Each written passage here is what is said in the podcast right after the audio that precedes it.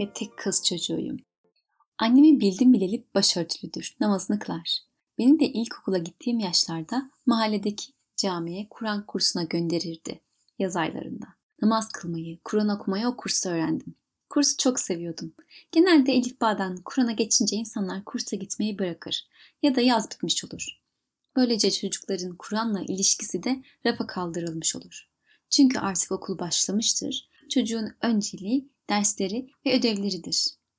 Bu genellemenin dışında örnekler vardır elbette fakat toplumumuzdaki birçok ailede durum bu şekilde gerçekleşiyor maalesef. Ben Kur'an'a geçtikten sonra da kursa devam ettim. Hatta kursa ilk gittiğim yaz Elif Bağ derslerini hızlıca verip Kur'an'a geçtim. Sonraki yıllarda da yaz kurslarına gittim. Hatta kursun neden sadece yazın olduğunu anlamıyordum. Keşke kışın da olsa da gitsek derdim. Gidip orada Kur'an okuyordum. Elif Bağ'da olan çocuklara yardımcı oluyordum. Beraber ilahiler söylüyorduk. Hoca bize güzel konular anlatıyordu. Orada bulunmaktan çok mutlu oluyordum. Hoca bir keresinde Allah'ın anıldığı yerleri melekler ziyaret eder. Ama biz onları göremeyiz demişti. Ben de bunu duyduktan sonra acaba kursa da melekler geliyor mu diye düşünmeye başlamıştım. Bu yüzden kurstayken etrafıma dikkat kesiliyordum. Pencerelere, perdelere bakıyordum. Bir kıpırdı olacak mı diye. Namaz kılmayı da orada öğrendim ve çok sevdim. Hocamız gerçekten çok tatlıydı. Allah ondan razı olsun. Bizi çok güzel teşvik ederdi. Kur'an'a geçenlere, sure ezberleyenlere, namaz kılanlara başörtü, toka, çikolata gibi ufak tefek hediyeler verirdi. Orada kazandığım başörtüyü hala saklıyorum. Hocamız bize namaz kılmayı öğrettikten sonra namaz kılma ödevi verirdi. Mesela Ayşe sen bugün eve gidince ikindi namazını kıl. Fatma sen akşamı kıl gibi ödevler. Ertesi günde sorardı yaptık mı diye. Kurs sayesinde namazı öğrendim ve severek kılmaya başladım. Ve hiç bırakmadım şükürler olsun. Ama kursla ilgili içinde kalan bir şey vardı. Başörtüsü. Şu an düşündükçe hayret ediyorum.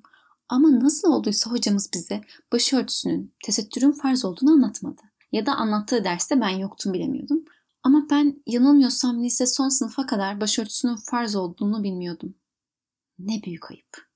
Namaz kılan, Kur'an okuyan, oruç tutan bir insandım. Ama maalesef başörtülü değildim. Giyim, kuşam konusunda da dikkat ederdim. Dar ya da açık kıyafetler giysem çok rahatsız hissederdim. Ergenlikte moda olan dar paçalı pantolonlar vardı. Alışverişe çıktığımda bol pantolon bulabilmek için uğraşırdım hep. Ama saçma moda yüzünden mağazalardaki tüm pantolonlar tek tip ve daracık olurdu. Bol olsun diye kendi bedenimden 2-3 beden büyük pantolonlar alırdım ve belime kemer takmak zorunda kalırdım. İçim rahat etmediği için de üstüme uzun şeyler giyerdim. Okulda da etek değil pantolon giyerdim hep. Okul kıyafeti alırken hırkanın bedenini de büyük almıştım. Örtme, kapatma ihtiyacı doğuştan gelen bir şey bence. Örtüsüz olmak ya da dar giyinmek istemezdim. Rahat hissetmezdim. Fakat maalesef başörtüsü konusundaki farzı bilmiyordum. Ve başörtülü insanların içlerinden geldiği için örtündüklerini ama bunun zorunlu olmadığını sanıyordum. Ta ki nihayet bir gün bir tanıdığım bana anlattı şükürler olsun. Bir gün muhabbet ederken bana namaz kılıp kılmadığımı sordu. Kılıyorum deyince kapanmayı düşünüyor musun dedi. Ben de bunu sormasına şaşırdım fakat o namaz kılan bir insansan neden başörtüsü de takmıyorsun ki o da farz demişti. Başımdan aşağı kaynar sular döküldü sanki. Ben bunun farz olduğunu bilmiyordum. Bunu öğrendikten sonra eve gidip başörtüsüyle ilgili ayetlere baktım. Gayet açık bir şekilde Kur'an'da örtünmemiz emri yazılıydı. Çok üzüldüm. Ama bir yandan da mutluydum. Daha geç olmadan öğrenmiştim çok şükür. Bu yazdıklarımı yaşarken lise son sınıfa gidiyordum. Ve o zamanlar başörtülü arkadaşlarım okula başörtüleriyle giremiyorlardı. Kapıda çıkarıp giriyorlardı. Ve okul çıkışında da herkes çıkana kadar tuvalette bekleyip başörtünü taktıktan sonra çıkıyorlardı. İnsanların onları öyle görmesini istemiyorlardı. Bu duruma çok üzülmüş ve öfkelenmiştim. Bu muamele çok saçmaydı. Artık kafama koymuştum. Ben de başörtüsü takacaktım. Ancak lise son sınıfta okul, dershane, ev arasında mekik dokuyordum. Yoğun sınav hazırlığı temposundaydım.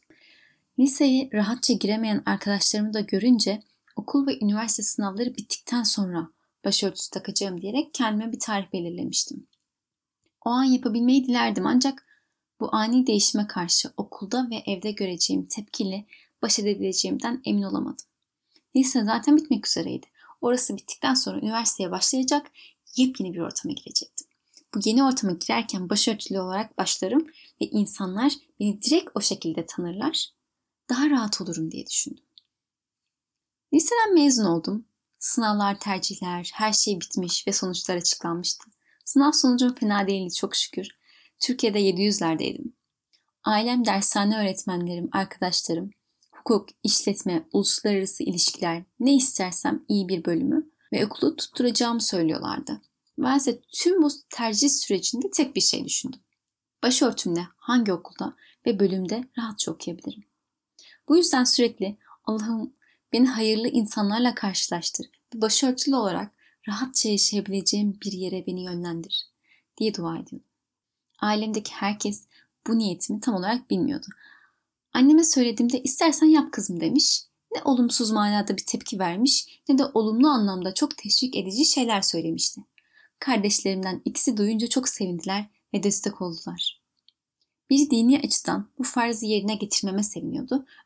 Öbürü ise tesettürün beni erkeklerin rahatsız edici bakış ve yaklaşımlarından koruyacağını düşünüp sevinmişti. Bu kardeşlerimin destek olacağını bildiğim için onlara daha erken söylemiştim. Niyetimi bilmeyen bir kardeşim ve babam kalıyordu geriye. Babam sert bir insan değildir. Hatta bize karşı çok yumuşak yüzlüdür. Bize hiç karışmaz ve kolay kolay da kızmaz. Bir gün ailecek sofradayken kahvaltının sonlarına doğru bu niyetimi herkese duyurdum. Babam ve daha önce haberi olmayan kardeşim şaşırdılar. Niye şaşırıyorsunuz ki? Müslüman bir ülkede yaşıyoruz. Yıllardır namaz kılan, oruç tutan, Kur'an okuyan ve başörtüsü hariç tesettüre dikkat eden bir kız çocuğu var evde ve artık başını da örtmek istediğini söylüyor. Bunda şaşıracak ne var Allah aşkına? Maalesef toplumumuzda din gelenek haline dönüştüğü ve bazı temel şeylerin ruhu, özü unutulduğu için şaşırılıyor işte. Sanılıyor ki sadece yaşlı insanlar hacca gider. Sadece isteyenler namaz kılar. İçinden gelenler başını örter. Ama gösteriş yapmaya gerek yoktur. Kişinin inancı Allah'la kendisi arasındadır. İman kalptedir ve herkesin kalbi temizdir. Ve önemli olan da budur. Babam ciddi ciddi şaşırmış ve ne gerek var demişti. Kardeşim de yapmak zorunda değilsin ama istiyorsan yap tabii demişti. Gerek yok ne demek? Yapmak zorunda değilsin ne demek? Tabii ki yapmak zorundayım. Beni yaratan Allah bunu emrettiyse başka şansım mı var? Seçme hakkım mı var? diye içimden haykırıyordum. Engelleyici ve sert bir şekilde tepki vermedikleri için ben de onlara karşı sakin kalmaya çalışıyordum. Gidip alışveriş yapmaya, başörtüsü takmaya başlayınca giyeceğim kıyafetleri ve tabii ki başörtüleri almaya başladım. Ve artık zaman gelmişti. Üniversiteye başlamama bir hafta kalmıştı. Takvimler 10 Eylül 2012 pazartesi gününü gösterdiği gün başörtümü taktım. Trench kotumu giydim ve başörtülü olarak evden çıkıp dışarıda dolaşmak istediğim için annemle beraber evden çıkıp komşuya ziyarete gittik. Beni görünce çok mutlu olmuştu komşumuz ve çok yakıştığını söyleyerek teşvik etmişti. Ben de orada olduğumuz sürenin çoğunda oturma odasından çıkıp koridordaki aynanın karşısına geçiyor, başörtümü, üstüm başımı düzeltiyordum. Başörtüme kavuştuğum için çok mutluydum. Bana Rabbimi hatırlatıyordu. Kendimi çok rahat ve korunmuş hissediyordum. Üniversiteye gitmeden önce akrabalarımla vedalaşmaya gittim. Anneannem ki kendisi yıllardır beni namaz kılarken, Kur'an okurken gördüğünde maşallah kızım aferin sana diyerek beni teşvik eden biriydi. Başörtüsü taktığımı görünce şok oldu. Ne gerek var? Tarikatçı mı olacaksın? dedi. Yalnız bunu söylerken evin içinde oturuyor olmamıza rağmen kendisinin de başında başörtüsü vardı. Anneanne, sen niye örtünüyorsun gerek yoksa? diye sordum. Ben koca karıyım, sen gençsin dedi. Almanya'da yaşayan akrabalarımız da bizi ziyarete gelmişlerdi ve onlardan biri de bana yapmak zorunda değilsin demişti. Ne kadar rahatça yorum yapabiliyoruz böyle konularda. Bu tepkilere çok üzülüyordum. Ama kesin kararlıydım, örtümden vazgeçmeyecektim. Her geçen gün daha çok seviyordum tesettürü ve daha iyi anlıyordum neden gerekli olduğunu. Çok şükür üniversiteye örtümle başladım. Okula giderken çok dua ettim. Allah'ım lütfen yurtta, sınıfta yakınında başka başörtüler de olsun diye. Çok korkuyordum. Ve benim gibi başkalarının olması bana güç verir diye düşünüyordum. Hazırlık yılında sınıfta üç tane daha başörtülü arkadaş vardı. İlk gün onları görünce çok mutlu olmuştum. Yurttaki arkadaşlarımdan başörtülü olmayanlar da vardı. Kimisi bana saygı duyuyordu ama bazısı garip sorular soruyordu ya da nasıl davranması gerektiğini bilmiyordu. Bir keresinde namaz kılarken önümden geçmişti arkadaş. Bunu o kadar şaşırmıştım ki benim için bu o kadar temeldi ki bunu bilmemesine hayret ettim. Tabii ki namazım bitince güzellikle açıkladım. O da anlayış gösterdi. Bir keresinde de bir arkadaş bana ya sen niye kapalısın ailem mi zorladı? Bana izin versen seni öyle bir süslerim ki dışarıdaki herkes dönüp bakar hayran olur demişti. Bunu duyunca şok oldum. Ben hiçbir arkadaşımın giyimine karışmazken insanların rahatça yorum yapması çok tuhaftı.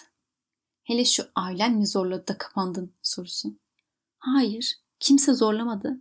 Allah emrettiği için gönlüm razı olarak, yürekten isteyerek yaptım diyerek haykırmak istiyordum bunu soran herkese. Ama tabii ki güzellikle açıklamaya çalışıyordum. Çünkü bizim dinimiz güzeli, güzelliği emreder. Çünkü emreden en güzeldir. Bize güzel olmayı, güzel davranmayı emreder.